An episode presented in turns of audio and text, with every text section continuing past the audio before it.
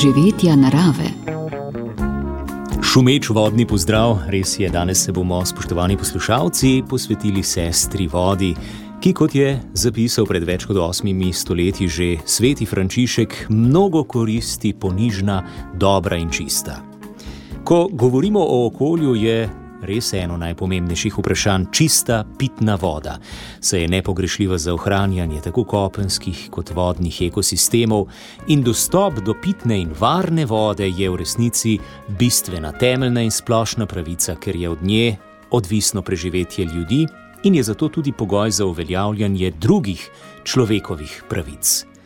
Ko te zelo jasne besede iz okrožnice Laudato si postavimo ob rob dogajanju pri nas, kjer še imamo veliko kakovostne vode, se lahko vprašamo, ali se tega zavedamo in dokdaj bo tako. Če primerjamo Slovenijo ali pa kakšno drugo državo, bolj aridno kot naprimer Izrael ali kaj podobnega, kjer res imajo precej manj vode kot pri nas, smo pri nas odnegdaj soočeni, lahko bi rekel, z obilico vode. Nikoli nismo imeli večjih problemov z količino vode v preteklosti. Kakšna pa bo prihodnost. Tudi o tem v nadaljevanju naš današnji gost bo hidrolog z Agencije za okolje Janez Polajnar. Popeljal nas bo v vodni krok, kamor gremo z današnjimi doživetji narave. V ta vodni krok se je seveda že zdavnaj umešal človek. Samo podatek, ki ga je danes objavil statistični urad, V javno kanalizacijo smo v Sloveniji leta 2021 odvedli kar 232 in še nekaj milijonov kubičnih metrov odpadnih voda, kar je 16 odstotkov več kot leto poprej. Ob polemiki o kanalu C0, zgovoren podatek. Osrednja tema letošnjega svetovnega dneva voda je pospešitev sprememb za boljši dostop do čiste vode in sanitarne ureditve. Tudi zelo aktualen naslov, kakorkoli že mi bomo stopili v nadaljevanju čisto vodo, si ogledali delo hidrologa in slišali tudi, kaj nas čaka o podnebnih spremembah v Sloveniji v tem vodnem krogu. Najprej pa, kot ponavadi, poglejmo v gorski svet z napovedjo vremena. Kako bo v gorah dežurni meteorolog Blaž Šter? Gorah bo danes in jutri nekoliko povečana nevarnost sprožene snežnih plazov. To velja zlasti za predele um, južnih in zahodnih julicev, kjer je v, je v začetku tedna padlo kar nekaj snega in ta se bo ob tej otoplitvi um, plazil. Uh, ja, seveda to velja bolj za nekako sredino dneva, uh, ko bo sonce, vpliv sonca najvišji oziroma najmočnejši. Bo v gorah uh, tako danes kot ob koncu tedna kar vreme prijazno. Uh, pričakujemo visoke temperature tudi v gorah, um, na Krederici je trenutno 3 stopinje, tako da bo naslednji, tudi v naslednjih dneh. V glavnem malo nadničlo, posod, um, oziroma v sredogorju celo do 5 stopinj, bo pa nekaj vetra, ampak tudi ta ne bo premočan. Tako da napoved je kar ugodna za gorski svet. Toliko v vremenskem upogledu začetek konca tedna. Lepo vas pozdravljava v svoji družbi Andrej Novljan in Blaž Lesnik. Poslušate podcast Radio Ognišče. Podprite nas svojo oceno. Kot smo rekli, spoštovani poslušalci, danes stopamo v vodni krok, tokrat s hidrologom, gospod Janez Polajnar. Lepo zdrav, dobrodošli pri nas. Dobr dan. Zaposleni ste na Agenciji za okolje kot hidrolog, pa bova k vašemu delu seveda še prišla najprej pa k aktualnim razmeram. Alpe se letos pač ne ponašajo z debelo snežno odejo, padavin je bilo relativno malo, že v jesenskem času, s kakšnimi hidrološkimi obeti torej vstopamo v pomlad oziroma tudi kasnejše poletno obdobje, kaj nas čaka. Ja, eh, torej lahko bi rekel, da z nekoliko boljšimi začetnimi pogoji, kot smo vstopali lansko leto. Res je, v Alpah je manj snega kot običajno, zlasti v južnem eh, delu Alp, torej eh, v tem delu, ki se potem odmaka v Packo nižino, torej v Italiji.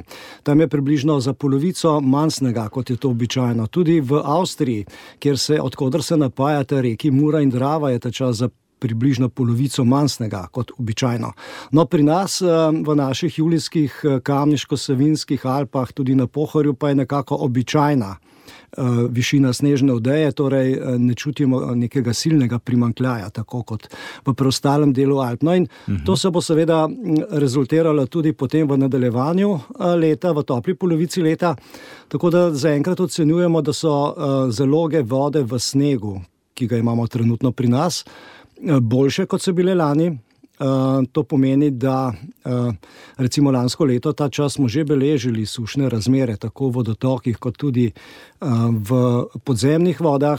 Letos, trenutno, sedaj uh, je naša karta, ki jo objavljamo vsak teden, zelena. To pomeni, da smo na običajnih ravneh, tako pri površinskih vodah, kot tudi pri podzemnih vodah. To je vsekakor dobra novica, sploh ob že prvih napovedih o novem sušnem poletju.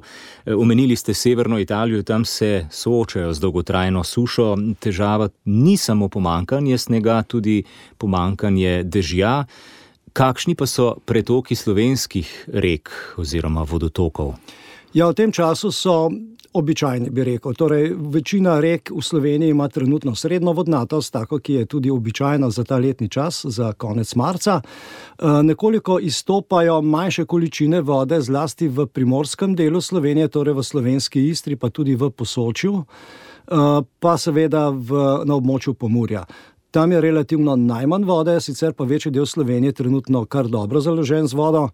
Mm, tudi vodonosniki, pravzaprav vsi vodonosniki, tako kraško, razpoklinski, kot tisti aluvijalni na ravnicah, so ta čas uh, primerno založeni z vodo, torej njihove gladine so na običajnih ravneh. Nikjer trenutno ne beležimo sušnih razmer. Kaj pa podzemna voda, kakšno je stanje podzemnih voda pri nas? Uh, ravno to, podzemna uh mhm. -huh. voda je trenutno na običajni ravni, nikjer ne beležimo uh mhm. -huh. sušnih razmer.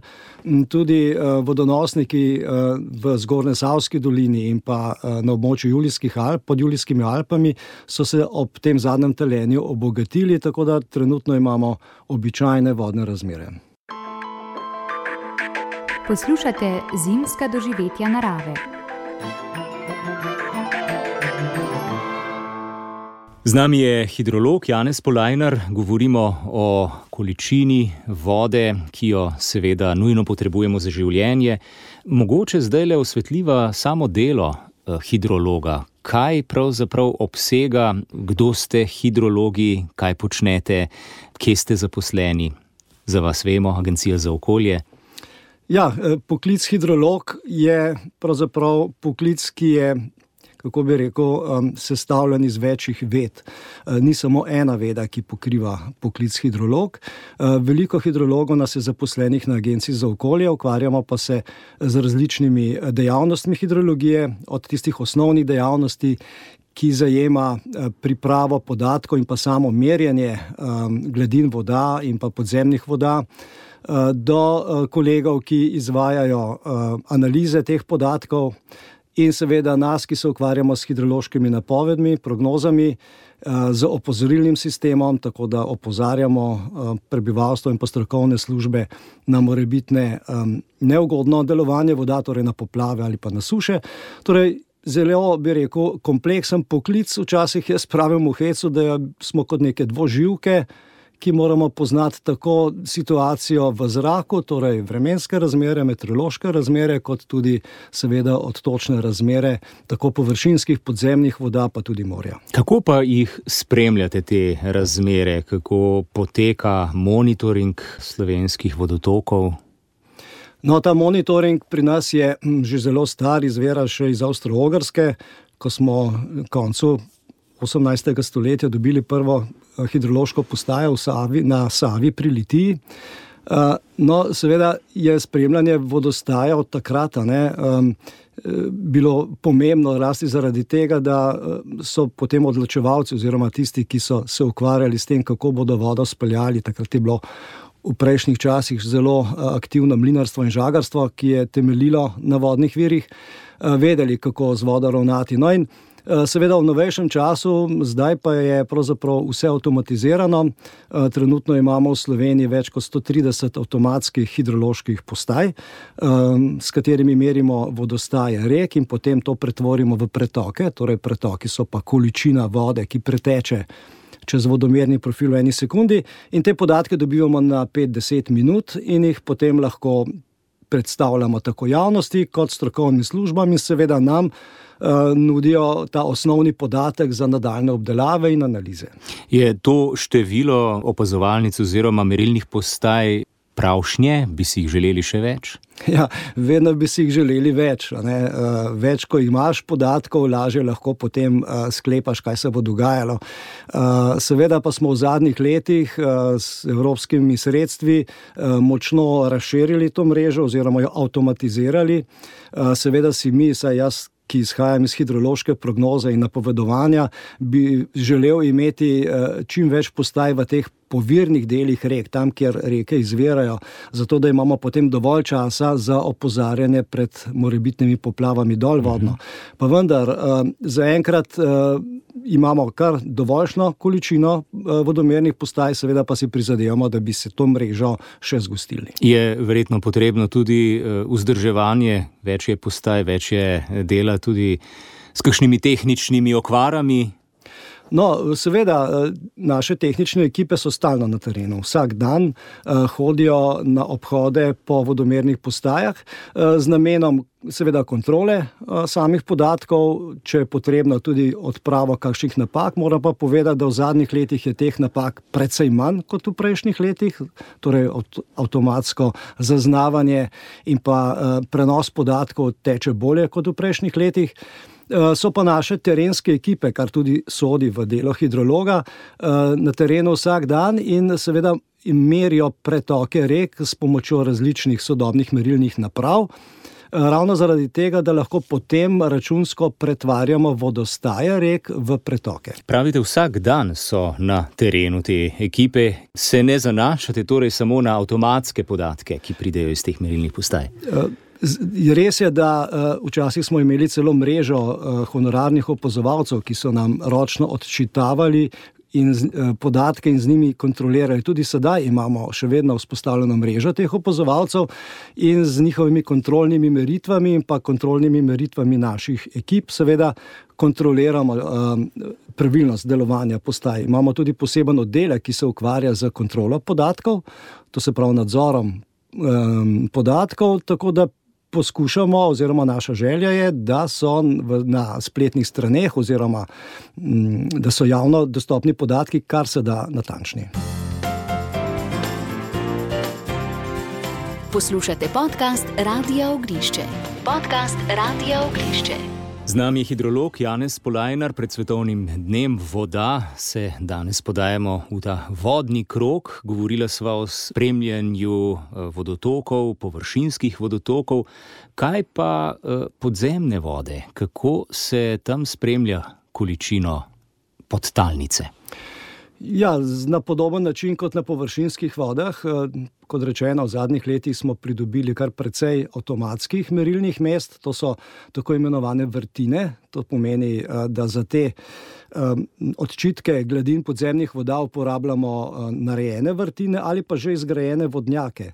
In uh, s pomočjo sond potem uh, lahko odčitamo, oziroma uh, odčitamo uh, gladino podzemne vode. Tudi uh, ročno ali avtomatsko? Uh, da, glavnem avtomatsko, in uh, te podatke se potem ravno tako na nekaj minut uh, avtomatsko prenašajo na Agencijo za okolje v nadaljno obdelavo. Koliko je teh merilnih mest za podzemno vodo? Teh merilnih mest je nekaj deset, seveda si želimo te, te merilna mesta tudi zgostiti v prihodnje, vendar je to le za to potrebno nekaj več investicij, saj je potrebno zgraditi vrtine ali pa uh mhm. -huh. pridobiti dovoljene v določenih vodnjakih. Vrtine so pa globoke koliko?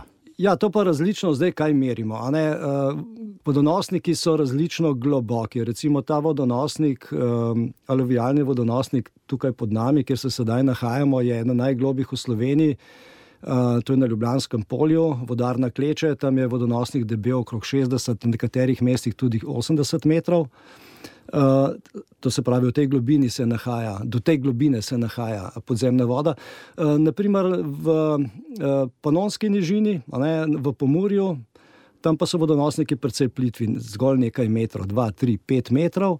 Uh, tako da so te vrtine, seveda, temu primerno različno globoke. In cena tudi nižja, verjetno za vrtino. Ne? Verjetno, da. Ja. Na eni strani hidrologi opazujete in opozarjate, seveda na poplave, te imamo v mislih, eh, zdaj tudi že ne več tako ob eh, standardnih obdobjih, kot je bilo morda to nekoč, in na drugi strani pomankanje voda, tudi to je za vas alarm. Kdaj je več dela? Ja, več dela je vsekakor o poplavah, ne? ker mm. poplave so, uh, bi rekel, tisti siloviti naravni pojav, ki um, v, v nekaj urah ali pa celo v nekaj deset minutah eh, povzroči izjemno škodo, ogroža človeška življenja. Hudurniške poplave pri nas se lahko zgodijo v pol ure, pa imamo že vodo višjo za tri metre in posledično težave. Eh, tudi človeška življenja v preteklosti so bila ogrožena in izgubili smo kar nekaj ljudi ob hudurniških poplavah.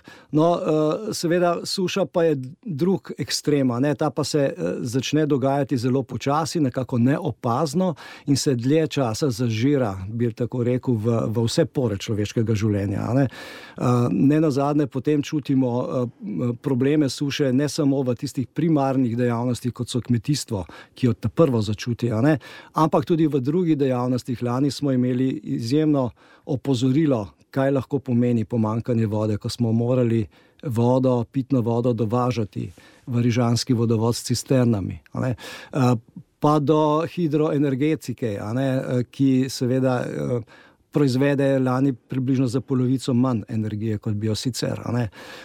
Pa ne na zadnje tudi turizma, ker je kaška sezona v zgornji Soški dolini bila precej okrnjena lansko leto, ker je bil pretok Soče celo poletje izredno nizek. Ne. To so vse te, bi rekel, sekundarne posledice, ki se počasi, počasi, pa vendar vedno bolj potem zajedajo v, v različne družbene strukture. Je mogoče reči, da se je tudi pojavnost poplav, dobro, zdaj smo bila pri sušah, spremenila, glede na dolgoletna povprečja, eh, kdaj lahko zdaj v Sloveniji pričakujemo poplavljanje bolj pogosto? Ja, eh, vsekakor. Uh, je tako, da so te ekstremi, hidrološki ekstremi, vedno bolj siloviti v eno ali v drugo smer. To pomeni, bodi si v poplave, bodi si v suše. Um, če smo imeli um, tam v letih 2010, 2012, 2014 obsežne poplave uh, v več delih Slovenije, ki so odnesle precej družbeno, uh, družbenega, uh, bruto družbenega dohodka pa hudurniške poplave leta uh, eh, 97 uh, eh, na območju Selške Sore. Um, to so vse dogodki, so, uh, pri katerih smo se začeli bolj, bolj zavedati, kaj pomeni ta ekstremni, ekstremni pojav. Ne. V zadnjih letih teh večjih poplav, k sreči, no, ni bilo. Seveda, lansko leto smo imeli Kolpo, ki je kar dvakrat izjemno poplavila. Ne pa vendar eh, se te pojave lahko pojavijo kadarkoli. Ne. Eh, opažamo pa to, da eh, so morda te hudurniške poplave, ki se pojavijo konec poletja, začetku jeseni, tiste, ki. Ko bi rekel, lahko povzročijo najbolj silovito, ali pa v kratkem času najbolj silovito škodo. Konec poletja, začetek jeseni. Ja, to je ravno to obdobje, ko, ko se preveša poletje v jesen ali pa začetek jeseni. Namreč zelo velik vpliv na, na pojav teh hudurniških poplav ima temperatura morja. Temperatura morja pa ustrajno raste. V zadnjih 60 letih se je poprečna temperatura Jadranskega morja v Koperskem zalivu povišala za 2 stopinje Celzija. In, uh, vse te, ti dejavniki povzročajo potem toliko bolj silovit, uh, silovite nalive in dolgotrajne nalive. Uh, ravno na tej naši meji med eh, mediteranskim in celinskim podnebjem. Uh mhm. -huh. In torej temperatura morja je ena od tistih, ki nam pravzaprav dodatno, bi rekel, um, poveča količino padavin v kratkem času.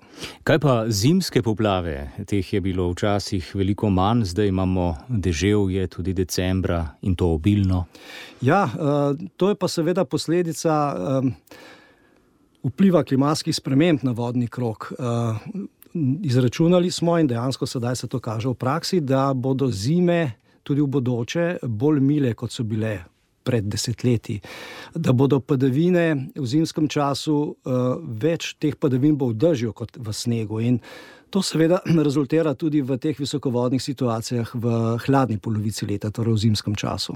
Ne, um, ne na zadnje se nekaj takega kaže, tudi eh, se je kazala kot lanskoletna zima, ko sem večkrat rekel, da je bila lanskoletna zima primer zime prihodnosti, torej malo snega in več padavin v obliki dežja, torej toplejša zima z manj snega. No, letos je v Alpah nekaj podobnega. Ne. Eh, prav zaradi tega, kot sem že uvodoma omenil, da je v avstrijskih Alpah manj snega za polovico manj kot običajno, pričakujemo, da bodo tudi Mura in Drava letos manj vodnati. To je pa že stopamo v tretje leto, ko imamo na reki Muri um, pre, pretežno nizke ali pa izjemno nizke pretoke. Pomislimo, da bi imeli verigo hidroelektraren, ne? tudi na to ima vpliv. Tudi o tem je treba razmišljati. Ja. Ja, v bodoče, ko uh, se, se razmišlja o takšnih posegih. Uh mhm. -huh. In ravno tu, ko ste me prej vprašali o poklicu hidrolog, uh, vidim nekako tudi prihodnost tega poklica uh, pri načrtovanju uh, dejavnosti, družbenih dejavnosti v prihodnih letih, v luči spremembe tudi hidroloških razmer. Ne. To pomeni na, prostor, na področju prostorskega načrtovanja, na področju turizma, na področju energetike. Eh, na več področjih je, lahko bi rekel, vedno bolj pomembna ta, bi rekel, hidrološko vedenje o hidrologiji, tako o količinskem stanju voda um, v prihodnje. Pa če zdaj čisto tako nasplošno pogledava, gospod Janez Polajner, smo naredili v Sloveniji bolj odločne korake na področju uh, prostorskega načrtovanja, umeščanja nekih objektov uh, v prostor v zadnjih desetletjih. Glede na vse te izkušnje, ki smo jih imeli z obilnimi poplavami, zdaj, k sreči, kot pravite in kot vemo, v zadnjih letih tako uh, silovitih in obsežnih poplav ni bilo, pa vendar nikoli ne vemo, kdaj se bodo spet pojavile. No, mislim, da smo na začetku. Uh, vsekakor uh, je ena od um, vodil ali pa idej sodobnega načrtovanja uh, vzpostavljanje, če se le da, vzpostavljanje prvotnega stanja. To pomeni, tam, kjer smo v 60-ih, 70-ih letih prejšnjega stoletja izsuševali in izsuševali mokrišča, če je le možno, če že niso pozidana, bi bilo prihodnje le dobro, da bi mokrišča spet vzpostavili nazaj. Namreč mokrišča so eden od naravnih dejavnikov, ki najbolj blagodejno vpliva na oba hidrološka ekstrema, tako na poplave, ko zadržuje vodo, kot na suše, ko spet zadržuje vodo. In, um, v tem smislu načrtovanje prostora, ravno v tem smislu renaturizacije mokrišč, renaturizacije rečnih meandrov, ki prav tako eh, zadržujejo, in pa seveda uh, gozdna politika in pa politika, uh, um, ja, pravzaprav poselitve. Uh mhm. -huh. Pa morda pogled na energetsko področje, kakšno je vaše mnenje o načrtovanih gradnjah na uh, spodnji Savi, recimo? Ja, uh, mi smo izdelali projekcije glede na um, iz, predvidene izpuste toplogrednih plinov do leta 2100. Uh, pokazalo se je, da uh, v skladu s temi projekcijami naj bi v Sloveniji v prihodnjih desetletjih uh, bilo manj vode, kot je bilo v prejšnjih desetletjih. Torej, po rekah naj bi teklo nekaj manj vode kot v prejšnjih desetletjih, tudi eh, časovna razporeditev preko leta naj bi bila drugačna. To pomeni, da bi imeli daljša obdobja z manj vode, ki bi bila skoncentrirana na toplo polovico leta, in nekaj več vode v zimski polovici leta. Uh, tako da vse to je pravzaprav treba upoštevati tudi pri načrtovanju takšnih objektov, kot ste omenili, uh, hidroenergetskih objektov. Ja. Ki smo jih morda nekoč in jih še ponekod danes obravnavamo, obravnavajo kot obnovljivi vir energije, vendar le vemo, da tudi umeščanje hidroelektraren v prostor pusti za seboj veliko posledic. Ne? Absolutno, doline se, doli, rečne doline se uh, spremenijo uh, energijo pa potrebujemo. Zdaj najti pravo rešitev je pa tukaj umetnost. Ne? Ampak vsekakor uh, uh, pro, projekcija ali pa delo hidrologov, kot smo ga omenili v začetku, je vidno tudi na tem področju. Torej, kot rečeno, iskanje najboljših, iskanje najboljših optimalnih uh mhm. -huh. rešitev, ja, tako za Eh, doline, za prostorski eh, vidik, eh, kot tudi za smiselnost takšnih objektov, glede na uh mhm. -huh. predvideno stanje. In morda na predviden trend razvoja, vemo, da zdaj v svet išče nove tehnološke rešitve ne? in jih je na vidiku sicer veliko, kaj bo iz tega potem prišlo, je težko napovedati, pa vendar, ko pa se spremeni neka rečna struga, se to zgodi praktično za zmeraj. Ne? Drži. Drži. Spomnim se leta nazaj, ko je bila um, zgrajena hidroelektrarna Mavčiče. Takrat smo se še zadnjič, preden so zaprli dolino pred Kranjem, podali s kajaki po reki Savi in smo rekli, no, še zadnjič bomo preveslali ta kanjon, potem pa uh, je bilo Konec. Konec, sedaj pa jezero. No, seveda, ja. sedaj to jezero uporabljamo na druge načine. Pa, mm -hmm. vendar. pa vendar, no, o tem zelo dobro pripoveduje tudi zdaj sveže nagrajeni film Zgodba Save, ampak o tem kasneje. Nazaj k suši, uh, gospod Janez Polajner, ali je mogoče reči, za koliko časa, za kakšno obdobje suše imamo v Sloveniji zaloge podzemne vode? Je kakšen izračun?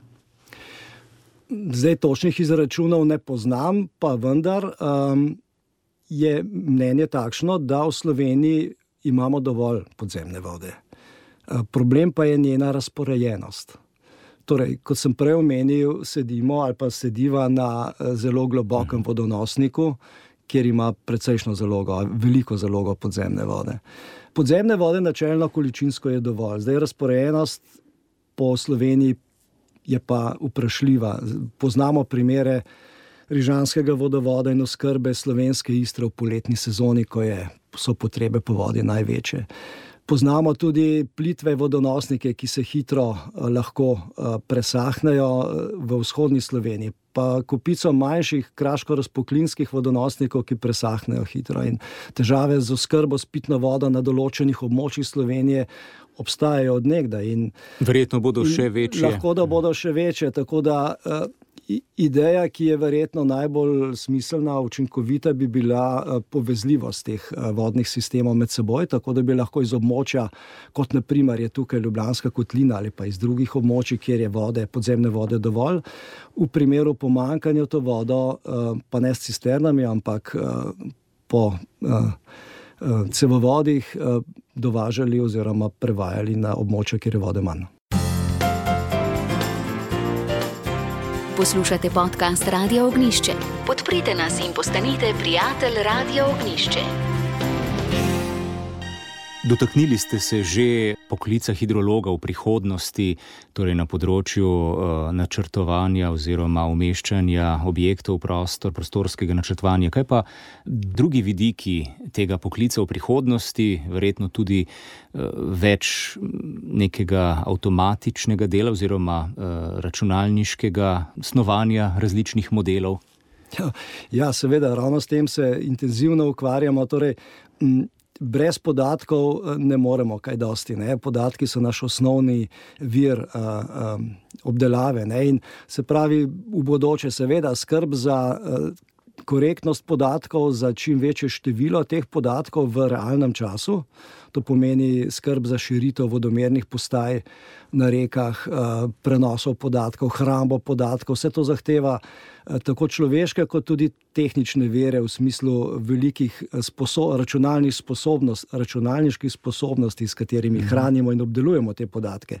Ne na zadnje, v Agenciji za okolje imamo enega največjih računalniških centrov v državi, prav s tem namenom, da lahko hranimo in pa obdelujemo podatke. Ne Super samo, računalnik. Ne? Tako, ja. Tako ne samo hidrološke, tudi mhm. meteorološke in, in okoljske. No in, um, to je ena veja, ne? to se pravi, ta bi rekel. Podatkovni del, ki, ki naj bi bil čim bolj širok in obvladljiv. Ne. Seveda pa potem um, v poklicu hidrolog. Uh, So, so z sodobno tehnologijo skoraj da neomejene možnosti uh, napovedovanja, analiziranja teh podatkov. Uh, torej, s temi podatki lahko potem analiziramo stanje, imamo boljši pregled, kaj se je z našimi vodami dogajalo, in seveda lahko potem tudi s pomočjo uh, ostalih modelskih orodij, ki združujejo tako meteorološke modele, meteorološke napovedi vremena za naprej, z hidrološkimi, izračunamo vse bolj natančno perspektivo. Torej, kaj se bo z vodami dogajalo v prihodnih dneh, morda tudi v prihodnih mesecih. In različni scenariji, potem tudi ukrepanja, ne verjetno. Ja, seveda, scenariji so potem različni. Že sedaj uporabljamo v hidrološki prognozi tako imenovano ensemblsko napoved, ker združujemo več. Različnih zagonov, modelov, tako da dobimo več rezultatov, in potem pogledamo, kje se ti rezultati so najbolj skupni, in tista ocena je potem tudi najbolj sigurna in jo potem objavimo v javnosti. Tako da z našimi orodji, ki so sodobni, precej sodobni, ali pa lahko bi rekel zelo. Um, na, na, na enem najvišjih nivojev, trenutno v Evropi, napovedujemo pretoke rek za šest dni vnaprej, kar s precejšno natančnostjo, zlasti za nekaj dni vnaprej. No, in to je tudi osnovno orodje, da, s katerim lahko potem opozorimo pred denimo poplavami ali pa pred izjemnimi sušami. Torej, časovno okno je podobno kot pri recimo vremenski napovedi. Tri do pet dni, recimo. Ja, ja, seveda, želeli bi si več. In ko, ko sprašujete o prihodnosti, je naša želja več, vendar dejansko je ta napredek potem omejen tudi z tehničnimi, eh, bi rekel, zapleti v smislu polprevodnikov in dejansko obdelavo teh podatkov. Ne. Ampak eh, dejansko si eh, zdaj lah, sedaj lahko um, napovedujemo precej korektno pretoke rek za 3-4 dni vnaprej, želeli bi si seveda več. Poslušate podcast Radio Ognišče. Podcast Radio Ognišče. Vloga računalnikov je povsod vedno večja, pa vendarle, povejte, gospod Janez Polajner, kako je pri vas, ko se obeta nek izreden poplavni dogodek? Kakšna je takrat eh, vloga hidrologa, oziroma kako izgleda en tak delovni dan potem pri vas na Agenciji za okolje, pa verjetno ne glede na to, ali je ponedeljek ali sobota oziroma nedelja? Ja, ja, res je, naša služba deluje uh, vse dni v letu. Uh, Na srečo no, lahko nekako takšne večje dogodke predvidimo, vsaj kakšen dan vnaprej, dva dni vnaprej, in že takrat se potem um, imamo določene poslovnike, pa pravilnike, organiziramo na Agenciji za okolje, tako da imamo vzpostavljeno 24-urno službo, uh, da so kolegi potem razporejeni v delovne izmene tudi preko noči. Eh, tako hidrologi, prognostiki, kot meteorologi, pa seveda tudi terenske ekipe za potrebe eh, izrednih posredovanj in merjen. Uh, poleg njih pa tudi osebe, ki skrbi za uh, IT podporo, kot se temu reče po slovensko, torej za računalniško podporo v sami hiši. E, tako da pravzaprav poskrbimo za to, da v tem uh, ekstremnem dogodku, da nima v poplavah, ne bi prišlo do izpada podatkov, ne bi prišlo do izpada naših produktov. Ob tem pa seveda uh, se sprožijo tudi različne medijske dejavnosti, kar je seveda zelo eh, pozitivno, da preko medijev lahko obvestimo. Um, prebivalstvo in pa ostale o bližajoči se nevarnosti, tako da določimo tudi osebo, ki komunicira z mediji, in tako potem pos, poskušamo na najbolj optimalen način um, pripeljati to poplavno situacijo. Potem do konca, ki običajno traja v Sloveniji, ta poplavna situacija, ki je tudi najbolj intenzivna, nekje dva dni, dva, tri dni. Uh, so pa tudi, seveda, situacije, kot naprimer leto 2014, ko je to trajalo kar mesec in pol. To je bil dogodek. Uh, to so bile te zimske poplave, žledolom in potem kraške poplave, ki seveda uh mhm. -huh. po sami naravi trajajo dlje časa, ampak um, to je bil pa res dolgotrajen, tak ekstremni uh mhm. -huh. dogodek. Ne, vam je ta najbolj ostal spomin, oziroma še kakšen drug uh, ekstremnih poplav, ko je bilo tudi delo. Naporno. Ja, seveda, to so bile poplave, septembrske poplave 2010 pa potem 2012, to so bile te obsežne poplave v Ljubljani, pa v porečju Krke in še drugot. In pa seveda 2014, ki se je začel že uh, konec januarja z ledom in se je potem končal šele marca. Poslušate podcast Radia Ognišče. Podprite nas in postanite prijatelj Radia Ognišče. Če ob koncu, gospod Janez Polajner, pogledava še na to našo Slovenijo kot geografa, vas sprašujem, ker um, ponavljamo, da je Slovenija tudi vodno, zelo bogata država. Uh, kje vidite to največje bogatstvo? Zdaj smo danes govorili predvsem o vodnatosti, zelo pomembna je, a nismo se dotaknila, s tem se ukvarjajo vaši kolegi tudi o stanju uh, voda, o kakovosti, o kemijski onesnaženosti voda.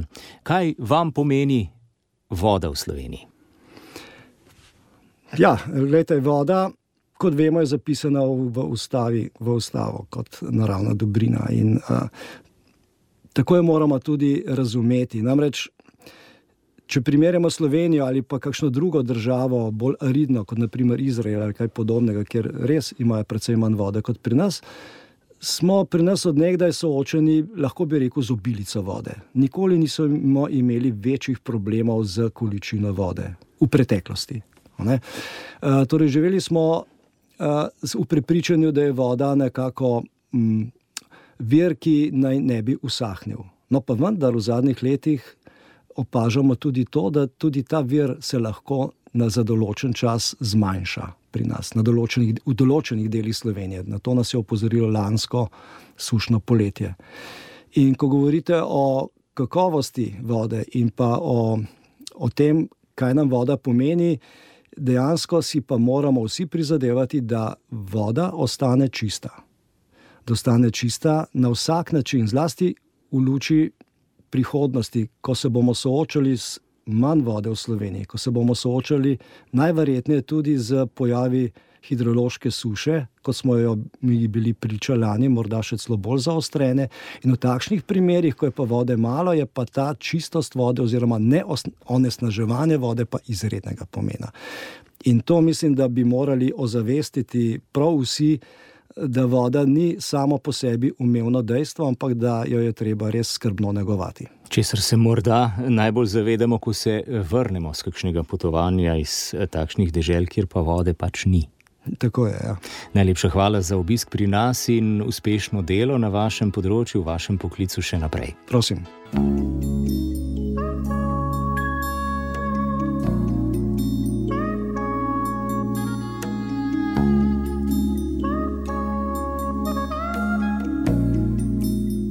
Doživetja narave. Hvala lepa tudi vam, dragi ljubitelji narave, v današnjih doživetjih. Do prihodnič se lepo imejte na užite tudi lepih razgledov. Smo v času, ko je v gorah še zima oziroma še nekaj snega, po dolinah pa že cvetijo pomladanske rože, tudi kukavičevke oziroma divje orhideje, med njimi tudi posebna, ki je simbol varstva narave, boča, pa tudi halos in donačke gore. Velikonočnica napoveduje prihod velike noči, vi pa si lahko kratek dokumentarni film o velikonočnici, ki obeležuje že desetletja prizadevanj za varstvo narave, ogledate s pomočjo YouTube-a. Pripravil ga je režiser in producent Matej Vranič, torej velikonočnica, simbol varstva narave Boča. Ja, tudi velikonočnica potrebuje kakšno kapljo vode za svojo rast dobro uspevajte in varen korak do prihodnjega petka vam želiva Andrej Novljan in Blaž Lesnik. Naročite se na podcast oddaje. Storitev je brezplačna.